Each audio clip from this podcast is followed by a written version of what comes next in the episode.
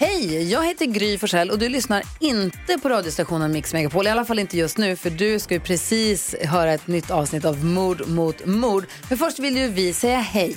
Hej, hej, det här är NyhetsJonas. Det här är Carolina Widerström. Och här är Gullige Dansken. Ja, och så Gry då. Och det vi vill säga att när du har lyssnat klart på den här podden, då får du gärna lyssna på våran. Vi spelar in ett nytt avsnitt varje morgon av våra podd Kvartsamtal. Och hela radioprogrammet blir ju också en podd om man är väldigt morgontrött eller så. Just det, om man missar morgonen ja. Men mest av allt så får du gärna lyssna på programmet i direktsändning varje morgon på Mix Megapol. Live varje morgon från klockan sex och då har vi med oss massor med vänner också. Thomas Bodström, Babben Larsson, Johan Pettersson, Christian Luuk. Massor med coola människor som bara dyker upp och gör livet bättre. Ja, som jag, Gullige Dansken. Exakt så. Och så mycket bra musik och annat skoj såklart. Så vi hörs när du vaknar på Mix Megapol.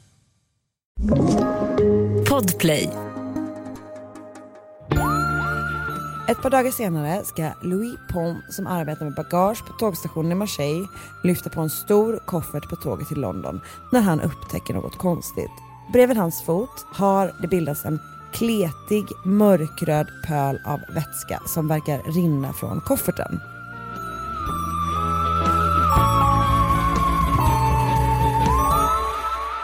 Men då säger vi eh, hej och välkomna till eh, veckans avsnitt av Mord mot mord. Det gör vi verkligen. Som varje vecka.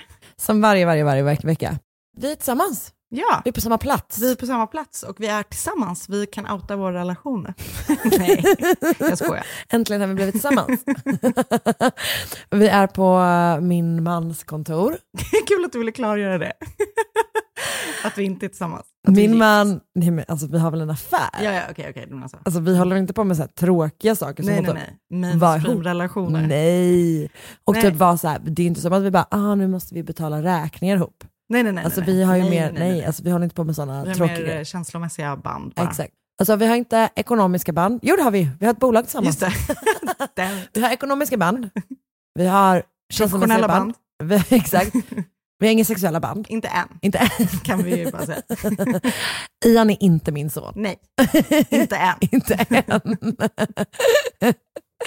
Nej men så mysigt. Jag har ju inte varit här på Markus kontor innan. Eh, är du verkligen ärlig när du säger att du tycker att det är mysigt? Ja, men alltså, jag kan säga att det ser precis ut så som jag hade tänkt mig att det Ah. skulle se ut. Vet du vad som jag tycker är lite konstigt att han inte har löst, måste jag säga? Det är att det är lite ekigt tror jag kanske för Mm. lyssnarna. Om det finns någon enda person som lyssnar på både Marcus podd och min podd, så kanske man känner igen ljudbilden nu då. Ja. Förutom att vi då också har en liten bebis En med bebis. oss. Och medan Marcus bara har Carl Stanley. Ah. Nej men det är väldigt stort. Känns som. Det är skitstort. Det finns en bastu här inne. Ja, vi pratade innan Vi om att ingen, inte ingen av oss gillar basta. Precis. Vi har ju med lilla Ian då, för att vi har ju, eh, eller jag har ju i min riktiga familj då, som inte är du, Mm. Sigrid är eh, sjuk så att, Ja. och hon är på sjukhus, så att vi har nu delat upp familjen lite. Ja. Vi är hoppfulla att hon snart får komma hem igen. Det känns viktigt att fortsätta med min poddfamilj under Ja. tiden. Därför är Ian med nu och Ja. skriker. Som brukar vara världens mest chilla bebis. Det är inget stort skrik, det är det inte. Nej. Han vill bara göra sin eh, podcast eh, Debut. debut. Typiskt killar. Verkligen. Hijacka någon annans podd.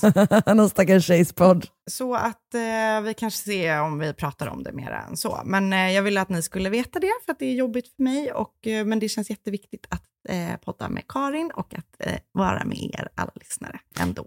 Ja, jag tänker man kan behöva lite så, Lite distraction, ja, exakt. faktiskt. Och därför är det extra mysigt att vi är med varandra. Ja, jag. det tycker jag också är bra. Det känns bra. Att hålla ihop även den här familjen. Hur mår du, Karin? Jag mår, ju, jag mår bra. Mm. Jag du har var ju på världens party i helgen. Jag har ju varit toastmaster Mm. på ett bröllop. Vem är bättre lämpad för det än du? Ingen. Jo men det tror jag ändå verkligen att någon är. Få personer. En eller två. Ja. Nej men det var jätte, jätte, jättekul. Ja, det såg är- underbart ut. Alltså så uh, himla, himla trött. Jag förstår att du är död eftersom man har sån sjuk anspänning och att det verkar varit fest i dagarna tre åtminstone. Japp. Du var ju kanske den som var mest i fokus på hela festen. Det var nog ändå min fest skulle jag säga. Men det blir lite så. Men du är i alla fall topp fyra som är mest fokus på festen. Ja, de har ju en väldigt gullig hund. Kasper Okej, och Pau. tre. Så, ja, Ett, så två, den är tre. liksom, Ja. ett, då skulle jag säga Kappe, Paulina, Selma hunden då. Ja. Och så, Och ja, ja, kanske Ja. på fjärde plats Ja, då. jag säger det. Ja, ja men du har, du har helt rätt. Nej, men det var otroligt. Det var otroligt. Jag har ju varit på så himla få bröllop. Och det här var Jag har ju knappt varit på mitt egna. Och det var jätte, jätte, jättehärligt. Mm. Och eh, jag tror att jag gjorde ett bra jobb. Det tror känner jag. sån enorm Verkligen. press för att jag bara, det här är så viktigt. Mm. Tänk om de hatar allt jag säger. Tänk om de hatar min ordning. Tänk om de är så här, va? Vi sa ju uttryckligen att min gamla farbror inte fick prata. Sa de det? Nej, det var ingen farbror som pratade heller. Det var ett tryggt exempel. Ja, det var så tryggt Men så exempel. alla som hör det här, be aldrig Karin vara toastmaster. Ja, jag trodde att jag skulle få vara toastmaster på ditt bröllop. Ja, men du sa ju precis att det var det värsta du varit med om. Nej, det, så det sa nej, jag inte. Det, det, sa- nej, det sa du inte. Det sa du inte. Det sa jag absolut inte. Och det var underbart. Jag bara kände att det var, jag, du, Det vet, var mycket jobb. du vet hur Ja, jag du är tar ett jobb. perfektionist. Ja, men jag tar det på allvar. Ja, det var det jag Och jag tror faktiskt att jag var ganska bra. Jag tror att jag var helt okej. Och vet du vad, till nästa gång, till ditt bröllop, Ja. då kommer jag vara, alltså nu har jag ju tränat. Precis, det känns så bra. Och du kommer säkert hinna träna flera gånger innan mitt bröllop. Eftersom vi kommer gifta oss om typ 15 år. Eftersom vi tänker gifta oss om och om igen. Du ska vara på varenda ett. Och vi vill ha olika upplägg på varje. det kommer vi ha. Det kommer olika talare på varje. Det är därför vi behöver gifta oss, för att det är så många som vill hålla tal. Ja, ah, just det. Det kommer liksom vara så 60-70 personer. Nu river jag möblemanget på Marcus kontor. Jag tror inte det är någon större fara faktiskt. You break it, you buy it. You break it, you take it. Mycket bättre. Alltså, Karin, det är därför du är bäst på Det är därför jag är copywriter. Nej, men samtidigt så, du vet ju om hur jag lever upp Ja! i ett event. Det, ja, Det är ju, jag det, vet- det, är ju- det, är ju- det är ju basen för hela din och min vänskap. Jag Att vi lever upp under och jag vet eventpress. också hur bra du är på att göra ditt jobb. Alltså jag sprang som i Jag kulverterna under hotellet. Jag fattar det. Och när då vi ordnade ölmässa tillsammans. Jag vet. Ja, Och jag tänkte på det när vi pratade om hur det skulle vara att vara bröllopsfotograf. Det kanske vi skulle bli. Nej men för jag skulle ju bara vara så som jag skrev, att jag bara, okej nu har jag sett hundra bilder, jag orkar inte titta mer, jag skickar de här, typ göra ett random. Du skulle ju bli utbränd för du skulle bara, jag har 2100 bilder att titta igenom. 2100. 200 000 bilder att titta Ja. igenom. Jag kommer titta på alla och bara, är den här? Eller den här? Exakt. Ah, nej, det hade varit vidrigt. Alltså, låt oss inte. Låt oss inte bli fotografer, låt oss fortsätta vara det vi är idag. Poddare. Poddare. så låt oss, Det är mer av ett mängdgame. absolut. Alltså 270 avsnitt, nu kör vi på. Exakt. Så jag tänker att nu eh, vi sätter vi igång på. va? Ja. Ett poddtips från Podplay. I podden Något Kaiko garanterar östgötarna Brutti och jag, Davva, dig en stor dos skratt.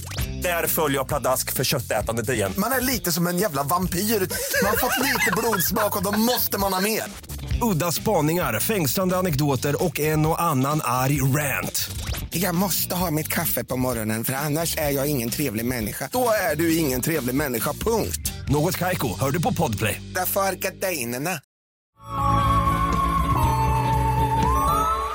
Ver Saint Leger Gold föddes 1853 in i en riktigt fin irländsk familj. Han hade baroner och earlar och sådana saker i släkten. Men det var hans äldre bror som då ärvde rätten att kalla sig Sir Gold. Hur som helst så inledde Ver en stark karriär. Han var charmig, rolig, härlig. Han var också väldigt bra på sport. Han ägnade sig delvis åt boxning, men särskilt inne var han på den sprillans nya sporten tennis. Det är kul att tänka att tennis var nytt, Nytt, ja. en gång i tiden. Typ. Men det var det. Och han var bra. 1879 vann han det första irländska mästerskapet i tennis och samma år tog han sig till finalen i den tredje Wimbledon-turneringen. Wow. Där förlorade han dock tyvärr mot en präst från Shropshire. Han heter John Hartley och han är den enda präst som någonsin vunnit en Wimbledon-turnering. Eh, wow. Ja. Att John var en man av Gud kanske hjälpte honom i kampen mot Ver, inte för att Gud styr tennisbollar, utan för att John kanske höll sig något nyktrare än sin motståndare. Ver ska nämligen ha varit så bakfull under finalen Nej. Och John beskrev honom som a wild and cheery Irishman. Ändå härligt. Det är du, andra tider i. Wimbledon. Wild and cheery Irishman. Japp. Mm. Men så cheery var han kanske inte alltid, dock desto mer wild. Mhm. Året efter Wimbledon-framgångarna avslutade Ver sin tenniskarriär och ägnade sig mer eller mindre på heltid åt sprit, spel och knark. Yes. En livsstil som tyvärr skulle vara med honom till det bittra slutet. Ver flyttar till London, där träffar han vad som ska komma att bli hans fru, en fransk kvinna som heter Marie Girardin. Det var kanske det som behövdes. Jag orkar inte. Det var alltså Ian som pruttade. Den största prutten. Okej, nu. Okej. Marie Girard. Eller något. Marie Girardin. Nej, jag måste kalla henne för Marie. Jag kommer inte kunna säga Marie. Nej. Marie kallar jag Ja. henne för nu. Ja, det är bra. Ja, rakt upp och ner. Marie. Marie föddes 1850, hade lämnat Frankrike och sina föräldrar i någon slags missnöje för att de inte accepterade mannen hon bestämt sig för att gifta sig med. De hade dock bara behövt vänta lite för när mannen dog ganska kort efteråt under någon slags semi-mystiska omständigheter. Mhm. Eventuellt gifter hon sig med ytterligare en man som också dör efter det. Lite oklart, eller om det bara är en innan Ver. Då. Man vet inte riktigt. Hon flyttar runt lite grann, bor i Genève någon liten period, men till slut så hamnar hon i London där hon syr klänningar på ett skrädderi när Ver Gold en dag kliver in och de blir snart kära. De gifter sig 1891. Det är nog en ganska kaotisk relation. Båda två gillar att festa och spela. De bor i ett stort hus och lever liksom en grandios social livsstil. Och det tar liksom överhanden kanske man kan säga. Och det gör att de har svårt att hålla ihop affärerna. De ber om lån från alla de kan och inte kan riktigt egentligen be om lån. Och snart läggs skulderna på hög. De hyr ett hus och snart så liksom eh, en dag när hyresvärden kommer dit för att ta in hyran som Mm. de absolut inte har betalat på ganska lång tid så upptäcker hyresvärden då att paret Gold är borta, de har tömt huset och försvunnit. Okej. Det vet han förstås inte, men de har bestämt sig för att lämna landet och flytta till Kanada, till Montreal för att vara exakt. Där startar de upp ett nytt bolag ehm, som liksom, eh, bygger på Maries eh, skräddarskills. Och det verkar som att det funkar i några år innan de återigen då står med skulder upp till öronen och de återigen bestämmer sig för att fly från de skulderna. Alltså det är så sjukt hur man bara... Dra vidare. Ah. Men jag tänker att just vid den här tiden också, så mycket lättare. Jo, det Alltså det var ju verkligen, man bara gick runt hörnet. Och bara hej då. Och folk bara, okej, okay, we lost that guy. de återvänder till Storbritannien 1903. De bosätter sig i Liverpool, Mm. där de driver ett tvätteri. Men inte heller det blir särskilt långvarigt, utan snart... Liverpool. Nej, absolut inte. Men jag älskar det du verkligen körde på det. Det lät Alltså- annorlunda i mitt huvud. Det du liksom saknade i korrekthet, you made up for i självförtroende. Så nöjd med. Det lät absolut Åh, annorlunda i mitt huvud. Min mormor pratade Nej, hon pratade Liverpool. Jag försöker, men jag har liksom inget som helst minne av hur det Det lät. jag skäms ännu mer för att jag vet att du har connections dit. Jag jag var med i Beatles när jag var liten. Så de drar från Liverpool. Liverpool. Det är för dumt. Även den gången. Okej. Även den gången lämnar de skulder och massor av människor som lånat ut pengar till dem bakom sig. Jag har inte skrattat på typ en vecka. Det var... Älskling! Det är så kul, jag skrattar jättemycket åt mig själv. De lämnar massa skulder och Liverpool efter sig. Jag har för evigt förstört den staden för oss båda. Men de har en plan. Ja. De har en plan. 1907 säger Marie till Ver att hon har lösningen på deras problem. Hon har ett system för att vinna på kasino och var bättre att prova lyckan än kasinots mecka, Monacos Monte Carlo. Mm. Så de drar till Rivieran där de börjar kalla sig Sir och Lady Gold och om någon frågar berättar de att de har rätt till titlarna eftersom Vers äldre bror har trillat av en häst och dött. Mhm. Bra. Du vet, det känns så himla mycket som att man blir lite för detaljerad. Man bara, Absolut. ingen känner din bror typ. Nej. Det behöver inte ens Bara kör. säga att jag verkligen bara kör. Och det är ju, för det är ju såklart inte sant då. Eh, Men de här fina titlarna passar förstås bra i Monaco och paret får ett rykte om sig som ett rikt par som gillade att spela och festa. Och de skaffade sig en fin villa där de bodde tillsammans med Maries systerdotter Isabella som kommit dit för att hälsa på dem. På ytan var allt frid och fröjd, men skräll, Maries system för idiotsäkra kasinovinster funkade inte perfekt. Snart var de fattiga igen och föll tillbaka i gamla hjulspår. De såg till att lära känna rika människor och under föreställningen att de också var rika och bara behövde låna pengar en liten kort period så frågade de olika Monte Carlo-personer om lån. En person som lånade ut pengar till paret var svenskan Emma Levin. Emma föddes i Malmö 1861 och hette då Emma Erika Ahlqvist. Hennes uppväxt var allt annat än lätt. Hon hade tre syskon och hennes pappa lämnade dem när Emma bara var fem år gammal. Och efter det hamnade hon på Malmö barnhem där hon bodde tills hon var 15 år och då fick hon liksom klara sig själv. Det gjorde hon genom att sälja sex.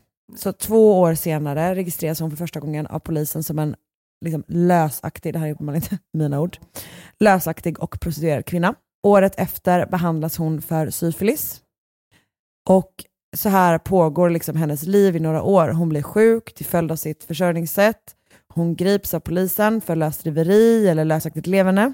Hon får varningar och ibland också korta fängelsestraff. Hon flyttar runt och sover där hon kan typ sova för natten. Alltså hon hemskt. gör verkligen 15 bara... Ja, hon är 17 av första gången hon liksom grips. Och sen, men det här är liksom hur hon lever sitt liv de där första, liksom i sena tolv. Ja, jag vet, det är fruktansvärt sorgligt.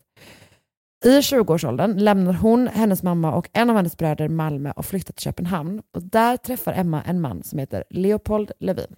Han är fabrikant och jag tror att hon kanske börjar jobba i en av hans fabriker. Typ. Vad har han för fabrik? Det vet jag faktiskt inte. Jag tänker att han har en godisfabrik. Jag tror inte det, men Mm. låt oss föreställa oss det. Bra. Vilken sorts godis? Jag tror typ så här geléhallon kanske man hade då. Jag kommer att tänka på att i helgen så var det en som envisades med att kalla geléhallon för något jätteäckligt. typ så jungfrubröst eller något. Har du Ja. hört det innan? Jag känner igen det. Det var faktiskt fruktansvärt. Jag skojade ju en kväll och stoppade in, var du med då? När jag stoppade in två geléhallon in, liksom, under min t-shirt men utanpå bhn så gick jag runt så ett tag som jag hade världens största bröstvårtor. så att jag och den här personen kanske kunde teama upp. en kväll. Det var ju kul. Folk blev stressade. Den här personen var kanske med den kvällen. Ja. In Liverpool. Leopold är fabrikant, han är rik, han är framgångsrik och han blir tagen av Emma. Mm. De inleder en relation och plötsligt, alltså hon går liksom från att ha ett sånt jävla tufft liv och som sagt hon har bott på barnhem från att hon var fem år gammal. Alltså verkligen mardröm. Och plötsligt då så blir hon ihop med honom och sen befinner hon sig liksom i en värld som är så här av alltså riktig jävla lyx. Typ. Mm. Hon får resa, Leopold skickar Emma till Paris och till Berlin där hon får utbilda sig. Han ger henne juveler, vackra klänningar och efter tio års relation gifter de sig och bosätter sig i en våning på Strandvägen i Stockholm. Härligt. Alltså de har Strandvägen pengar. Pengar finns och det är tydligt för alla som ser Emma eller besöker parets våning. Det är liksom inte en understated rik stil om man säger så. Paret får inga egna barn men de har ett fosterbarn från Schweiz vilket bara det känns så rikt. Ja, det känns jätterikt. Ja, jag vet. Det var verkligen, det känns verkligen Det är typ det jätterikt. rikaste jag Ja. hört. Och hon bor hos dem under ett par år. Det verkar som att flickan, hon ska heta Helene, bodde med dem ett tag innan hennes föräldrar ville att hon skulle återvända till dem. Lite oklart. Mhm. 1905, tror jag, befinner sig Leopold på affärsresa i London när han plötsligt avlider. Och Emma är då ensam kvar. Liksom. Alltså hon är den enda som ärver honom och har ju alltså helt Får så sjukt mycket pengar. absurt mycket pengar. Liksom. Hon ärver allt och om hon levde lyxigt innan så blir det inte direkt mindre nu. Hon reser runt jättemycket, hon festar, hon flörtar, hon spelar, hon liksom dryper av juveler, beskriver hon det som. Och till slut dyker hon då upp i Monte Carlo, där jag läste en artikel, här kommer ett citat från eh, en, eh, en artikel från sajten The Tennis Space, skriven av Mark Hodgkinson, som var så här. Most evenings, after the roulette tables had closed at midnight, Levine was to be found in the cafes around the Place du Casino, where she would display her diamonds, drink until the early hours, flirt, smoke cigarillos and make promiscuous acquaintances. Alltså jag tycker det låter som Hur härligt! Mm. Det är exakt vad jag skrivit. Jag tycker att det låter toppen. Det låter, alltså, det låter underbart. Jag vet, jag vet. Som sagt, hon hade juveler, hon var inte rädd för att visa det. Och sådana där platser där rika samlas tänker jag också att det samlas folk som vill liksom blodigla på Ja. Rika. Och det verkar som att eh, pressen åtminstone anser att Emmas vän Madame Castellazzi, vilket är ett perfekt, Perfekt namn. namn, Mm. var en sån. Alltså hon hängde med Emma för, hon hade i alla fall ingenting emot att, ja, Emma betalade för henne ganska mycket Mm. helt enkelt.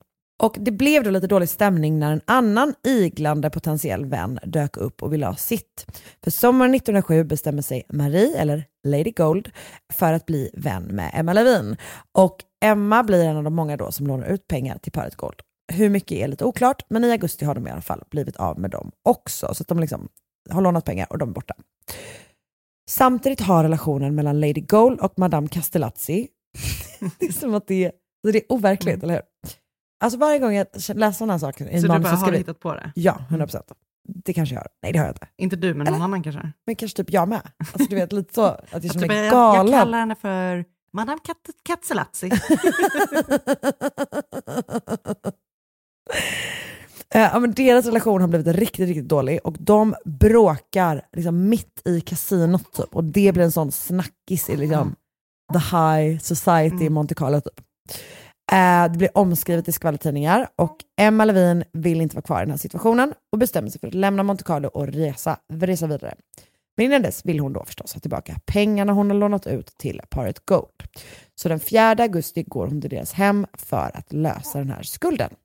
Ett par dagar senare ska Louis Pom, som arbetar med bagage på tågstationen i Marseille, lyfta på en stor koffert på tåget till London när han upptäcker något konstigt.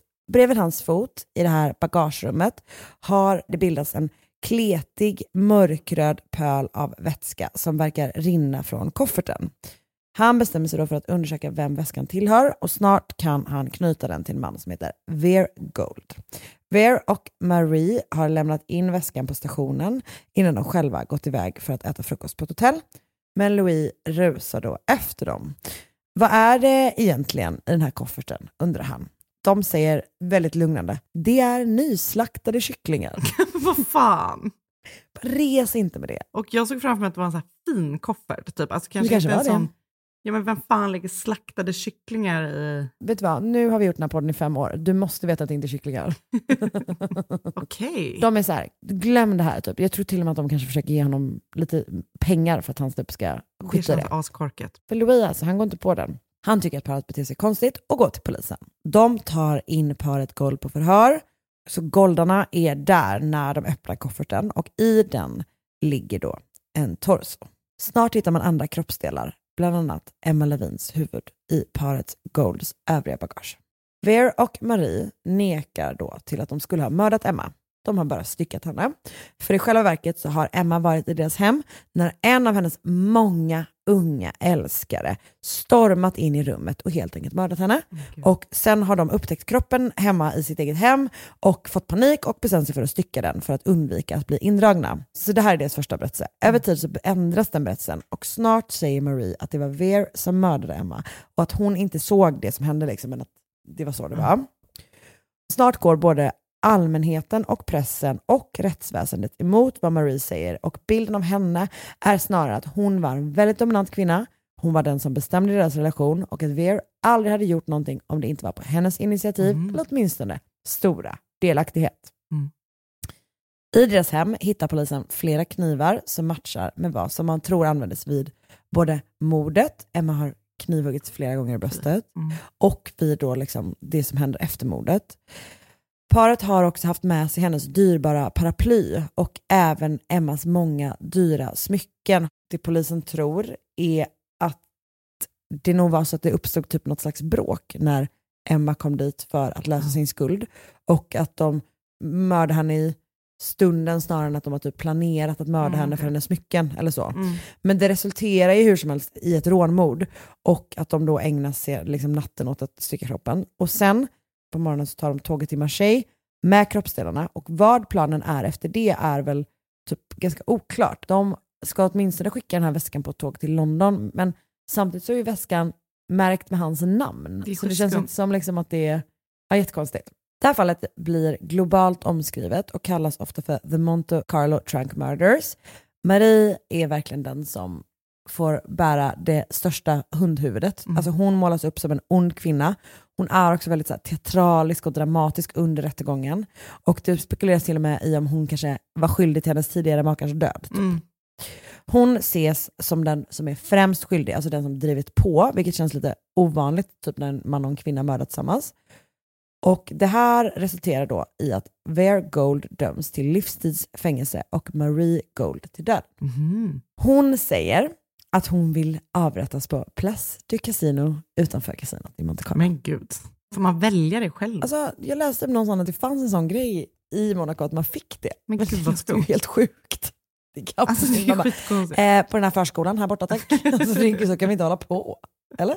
Nej. Nej, det tycker jag inte. Och det kommer då inte heller att bli så, utan dödsstraffet omvandlas till livstid och hon tillbringar resten av sitt liv i Montpellier-fängelset där hon dör av tyfoid 1914. Mhm. Så hon sitter tio år helt enkelt. Mm.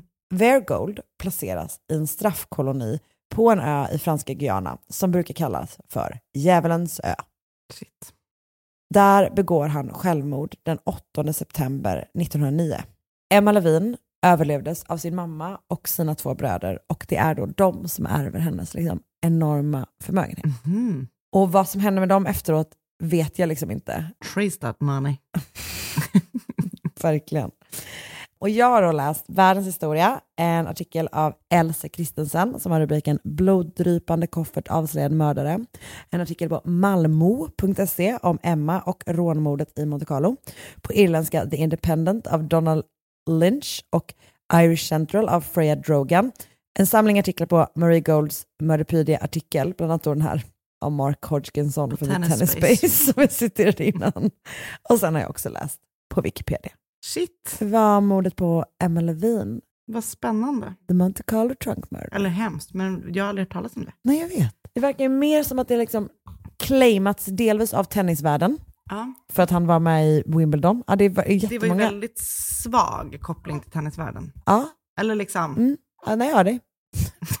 Och delvis också av irländare. Så det har mer liksom hamnat på, på den Irish sidan. people. Exakt. Än att vi har liksom, Mm. ja, förutom malmo.se då, Mm. uppenbarligen. det var ju typ irländska jag pratade där. Ja, det var nog typ Leprechaun. irländska. Eller? Alltså vet du vad, det här är verkligen en vecka när vi kommer cut you some slack. And you're gonna need it. men vadå? Leprechaun. Leprekaner? Vad heter det? Leprechaun, ja du har helt rätt. Det är bara Det är väl irländskt? det är väldigt irländskt. Ja du har helt rätt. Ja, ja. Det var bara jättekul att du bara sa det rakt upp och ner. Ja. Vi har ju skotska med, det låter ju lite, likt Alright me, men den är mer så, det är ju det som jag alltid säger på skotska. Ja. Alright me, how you doing alright? Det är bra. Den är lite mindre leprechaun liksom. Top of the morning, tror jag. det var bra, eller? Det var fan toppen. Ja, det var väldigt intressant. Tack, bra. Karin. Poddtips från Podplay. I podden Något Kaiko garanterar östgötarna Brutti och jag, Davva, dig en stor dos skratt. Där följer jag pladask för köttätandet igen. Man är lite som en jävla vampyr. Man har fått lite blodsmak och då måste man ha mer. Udda spaningar, fängslande anekdoter och en och annan arg rant. Jag måste ha mitt kaffe på morgonen för annars är jag ingen trevlig människa. Då är du ingen trevlig människa, punkt. Något Kaiko, hör du på Podplay. Därför är Det här veckans fall är väldigt hemskt, Ja. jag bara säga. Och det är ju alla, men jag blev otroligt illa till när jag började läsa om det här fallet. Japp. Och eh, precis som du kände att du hade hittat på ditt fall, så känner jag att vi absolut har gjort det här i podden innan. Ja men det här kommer bli ett toppenavsnitt. Du har sagt att du inte har det, och jag har nog inte gjort det heller, så vi får se. Gud livrädd. Okej. Okej. Alltså vet du vad, är det någonting du inte behöver den här veckan så är det att jag mitt i bara, Anna. Fast vet du, det är helt okej för jag har ett extra manus. Okej bra. För det jag var på väg att erbjuda dig var att jag inte kommer säga till. Alltså det kommer säkerligen vara annorlunda än första gången jag gjorde det. Ja, Just det, det var inte bara liksom kontroll C. Nej, nej. Nej, nej, nej. Ah. Vi sätter igång. 1985 var Cinnamon Brown 14 år gammal. Hon bodde med sin pappa David som var 36 år gammal. Han var egenföretagare, beskrivs som ganska framgångsrik. Han har startat liksom något slags dataföretag. Han beskrivs som en patriark, eller liksom en karakar typ. Mm. Med Cinnamon och David bodde också Davids fru Linda som var 23 år gammal. Så det här är alltså inte Cinnamons mamma då, utan Davids. Nya. Ja, och det sägs att det här är hans femte fru. Oj. Vilket verkar helt Han är galet. 35. Ja, vilket verkar helt Det är som att jag galet. skulle haft, Marcus skulle vara min femte man. Mm. Usch, jobbigt. Skitjobbigt. Jag kommer lite mer till det. Men det sägs att hon är hans femte fru. Och det kanske är så. Vi kommer till det om ett tag. Så det är då inte Cinnamons mamma, utan hans fru då. Och med dem bodde också då eh, David och Lindas dotter, Crystal, som är typ två år. Och Lindas lilla syster Patty, som då 1905 var 17 år gammal. Just det. Mm. Så de är alltså fem personer som Mm. bor där hemma. Han var, alltså anledningen till att jag tänker att han kan, att hon Linda då kan ha varit hans femte fru, är för att han var bara 16 år när han gifte sig med Cinnamons mamma. Ah, jag fattar. Och hon var typ lika gammal. Just det, så han har typ hållit på och gift sig med folk i 20 Ja. år. Men jag har inte full koll på alla fruar däremellan. Men, Ja, mm, Mm. jag fattar. och sättet som Linda och David träffades på kan man väl eh, säga inte är okej, eh, skulle jag säga. Om man tänker från att David då är, eller jag tycker inte det är okej. Nej. För att. Linda och Patty då såklart som är lilla systern har det skittufft hemma. De var totalt 11 syskon och bara det liksom i sig kan man ju tycka var väldigt speciellt. Och utöver det så var deras mamma gravt alkoholiserad och de hade jätteont om pengar. Så när David då, som var familjens granne, berättar att han har någon typ av cancer och han ha, verkar inte ha haft det. Han säger att han har cancer och att han därför skulle behöva ha lite hjälp hemma. Och att han då skulle betala för att någon av barnen skulle komma över, förslagsvis Linda då. Och hon är typ så här 14, alltså, eller ja, nej, men hon är ung, jag vet inte om hon är 14, men hon är liksom jätteung. Ja, hon är barn. Ja. Han frågar Lindas mamma om hon kan komma över och jobba hos honom mot betalning. Och mamman säger ja, liksom, och Linda också, för de behöver Ah. pengar. Och Linda vill säkerligen också ha en anledning till att komma hemifrån, för att de är då 15 syskon. Eller, inte, jag ökade upp det. De Ah. är 11 syskon. De är 27 syskon.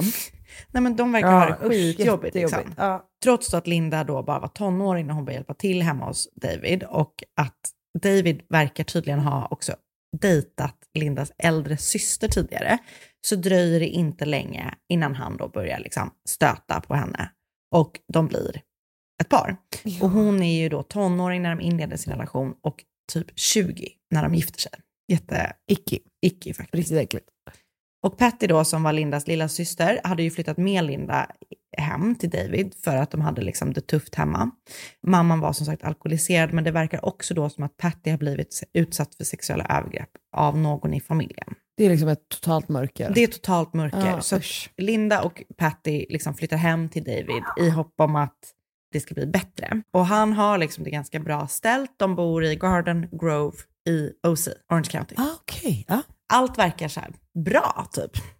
Men precis som att det inte var styckade kycklingar i kofferten så är det inte frid och fröjd hemma hos familjen. Brown heller. Nej. För den 19 mars 1985 så tar polisen i Orange County emot ett samtal från David.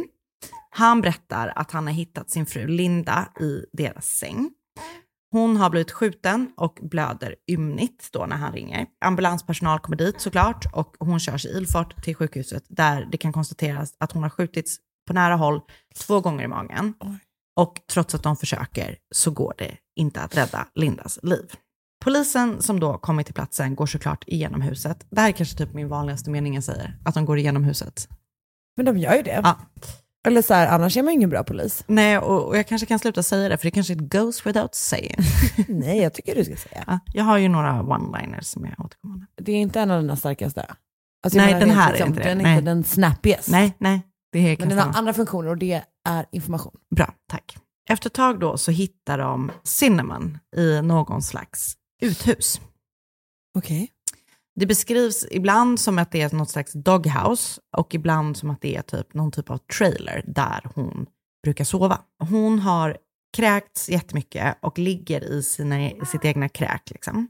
Hon är typ helt utslagen och i handen håller hon en lapp där det står Dear God, please forgive me, I didn't mean to hurt her. Det ska senare visa sig att hon har då överdoserat med olika sorters receptbelagda mediciner när hon hittats. Man förstår då att Cinnamon har skjutit sin styvmamma Och hon häktas för mordet på hennes pappas fru. Och David och Patty vittnar om saker som stärker polisens tro att det är Cinnamon som har gjort det här. De berättar till exempel att Cinnamon och Linda bråkar i tid och otid. Patty berättar också att tidigare den kvällen som Linda har skjutits så har Cinnamon visat henne att hon har en pistol som hon då har sagt att hon ska kunna försvara sig med. Och Cinnamon erkänner då ganska direkt att det är hon som har skjutit Linda. Och åklagarsidan hävdar att det är för att hon har dels varit deprimerad, men också då för att hon har varit arg på Linda för att Linda har hotat med, först är hon främst är hon arg på Linda för att hon har kommit emellan henne och hennes, pappa. Och sen så ska då Linda ha hotat med att hon ska slänga ut Cinnamon från deras hus. Cinnamons försvar å andra sidan hävdar att hon då har lidit av sinnesförvirring. Det försöker alltså då liksom hävda som reason of insanity. Just det. Och de menar då att det måste juryn ta hänsyn till såklart i rättegången. Hennes mamma och mormor vittnar och liksom är någon slags eh, karaktärsvittne då som ska stärka tesen om att hon led av Att hon inte är sinnesförvirring. tillräckligt lik. Exakt. Och då berättade de då att Cinnamon hade låtsaskompisar, vilket inte är så konstigt tycker jag. Nej. Men att hon då också innan mordet på Linda ska ha sagt att hon kände som att hon höll på att bli galen för att alla bråkade så mycket hemma. Cinnamon Brown då var 14 år gammal och, hon, och dömdes då efter rättegången till 27 års fängelse i mordet, för mordet på Linda. När domen föll så blev Cinnamon alltså helt chockad. Hon verkar inte ha haft någon som helst förståelse för att hon skulle kunna få fängelse för det här mordet. 27 år. Mm. Och det är ju då på en ungdomsanstalt såklart, eftersom hon är så ung. Men hon döms till 27 år. Det är så jäkla hemskt. Eller så länge liksom. Och trots att hon erkänt och så, så var det en man som arbetade som utredare hos polisen, som hette Jay Newell. Han tyckte att det liksom inte var någonting, det var något som inte stämde. Ah. Han var inte nöjd med hur det hade gått till. Så han tog kontakt med Cinnamon gång efter gång för att höra om hon hade något mer som hon ville berätta. Och hon är bara så här, nej jag vill inte prata med dig flera gånger liksom. När hon till slut har avtjänat några år i fängelse och är typ myndig så händer något. För då vill hon helt plötsligt prata med Jay Newell. Och det hon berättar då är helt bisarrt. För hon berättar för Jay Newell att hennes pappa David och Lindas syster Patty var de som hade planerat mordet på Linda. De har liksom manipulerat Cinnamon över tid. De har sagt till henne att Linda planerade att mörda David och att Linda och en av deras bröder var i kontakt med maffian och att de då skulle ta över Davids företag och det var därför de var tvungna att mörda henne. De hade sagt då till Cinnamon att det var bäst att hon gjorde det eftersom hon var så ung. David hade sagt till henne att hon aldrig skulle riskera att hamna i fängelse. Hon skulle behöva gå i terapi för det hon gjort, men att hon skulle få komma hem. Patty då kunde inte göra det eftersom hon skulle dömas till ett mycket högre straff och såklart inte han heller då, för han skulle också dömas till ett mycket högre straff. Han sa till henne upprepade gånger att om hon verkligen älskade honom så skulle hon göra det här. Nej. Mm. Åh, det är så sorgligt. Ja, det är så jävla hemskt. Den kvällen som Linda mördades så hade David väckt Cinnamon, alltså de har liksom planerat för det här äh, i veckor och pratat om olika sätt att göra det. Och det är David då som säger att hon måste skjutas. Och den kvällen som Linda mördades så har han väckt henne, Cinnamon alltså, och sagt så här, nu måste du göra det. Efter det så har han gett henne en pistol och den här receptbelagda medicinen för att de ska då få det att se ut som att hon typ har gjort liksom ett självmordsförsök. Ah. Men dosen som hon har fått, alltså det var väldigt, väldigt mycket medicin som han gav henne Alltså, han, man tänker att han kanske... Eventuellt liksom. Ah.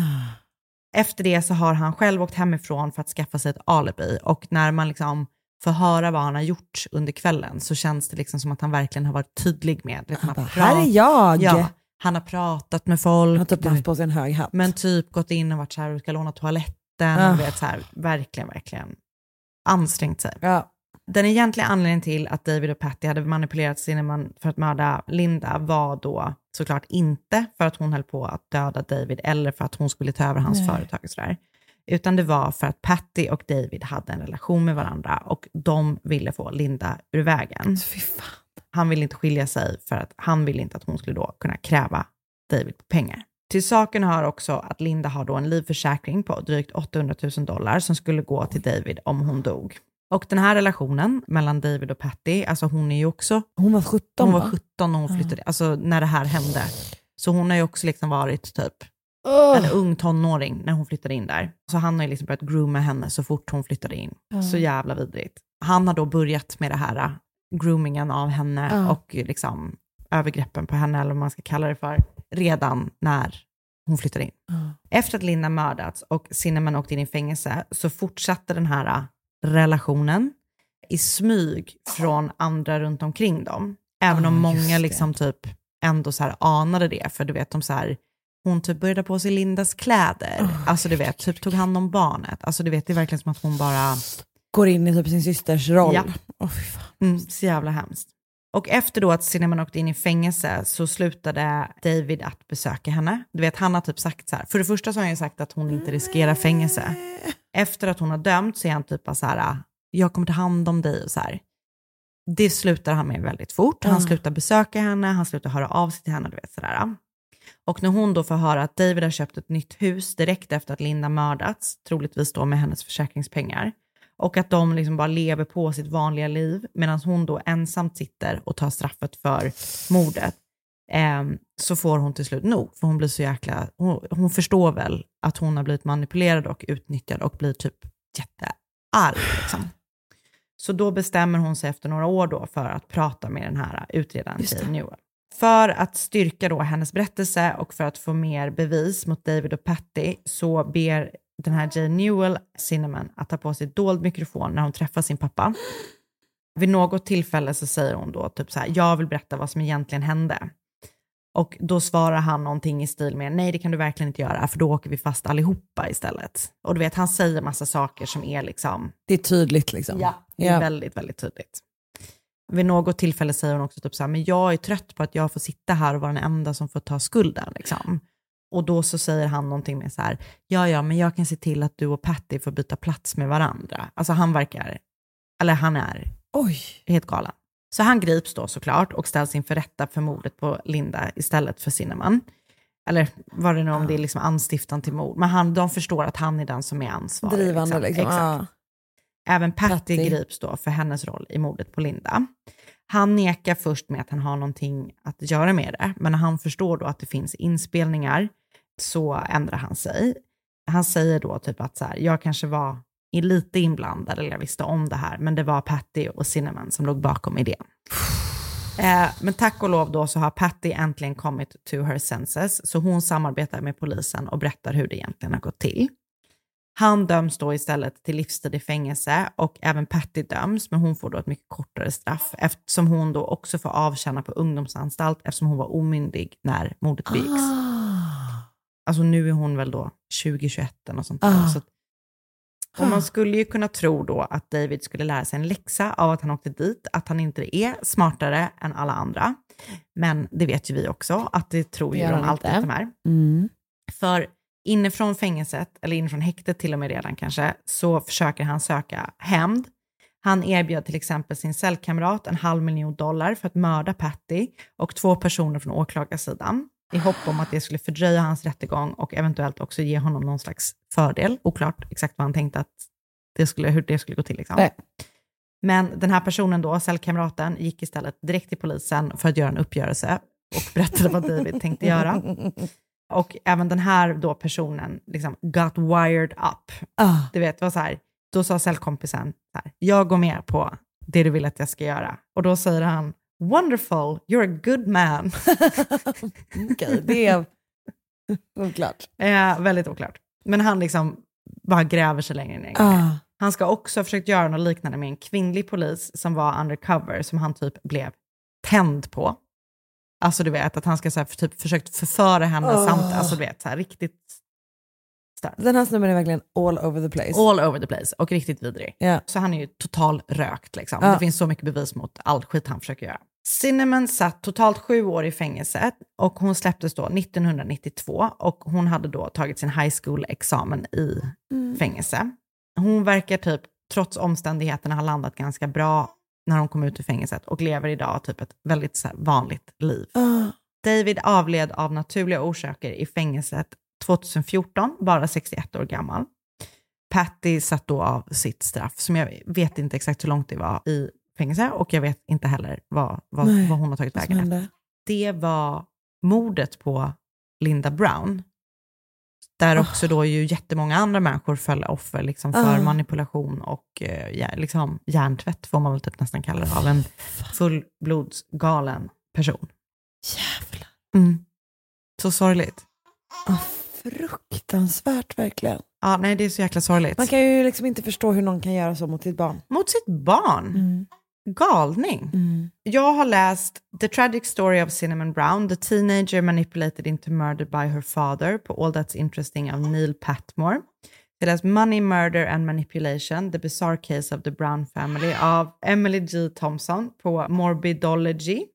Young Killer in Murder Plot Freed av Mark I. Pinsky på LA Times. Jag har lyssnat på ett avsnitt av Morbid som heter The Tragic Story of Cinnamon Brown och också ett avsnitt av en podd som heter Rotten Mango och det avsnittet heter The Girl in the Doghouse. Uff. Hemskt. Ja, fruktansvärt. Ah, Fruktansvärt. We made it. We made it. Tack snälla Tack dig du.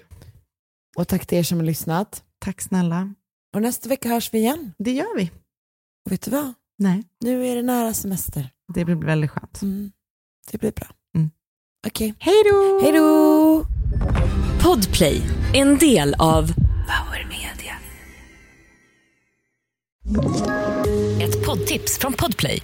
I podden Något Kaiko garanterar östgötarna Brutti och jag, Davva, dig en stor dos skratt. Där följer jag pladask för köttätandet igen. Man är lite som en jävla vampyr. Man har fått lite blodsmak och då måste man ha mer. Udda spaningar, fängslande anekdoter och en och annan arg rant. Jag måste ha mitt kaffe på morgonen för annars är jag ingen trevlig människa. Då är du ingen trevlig människa, punkt. Något Kaiko, hör du på Podplay. Därför är gardinerna.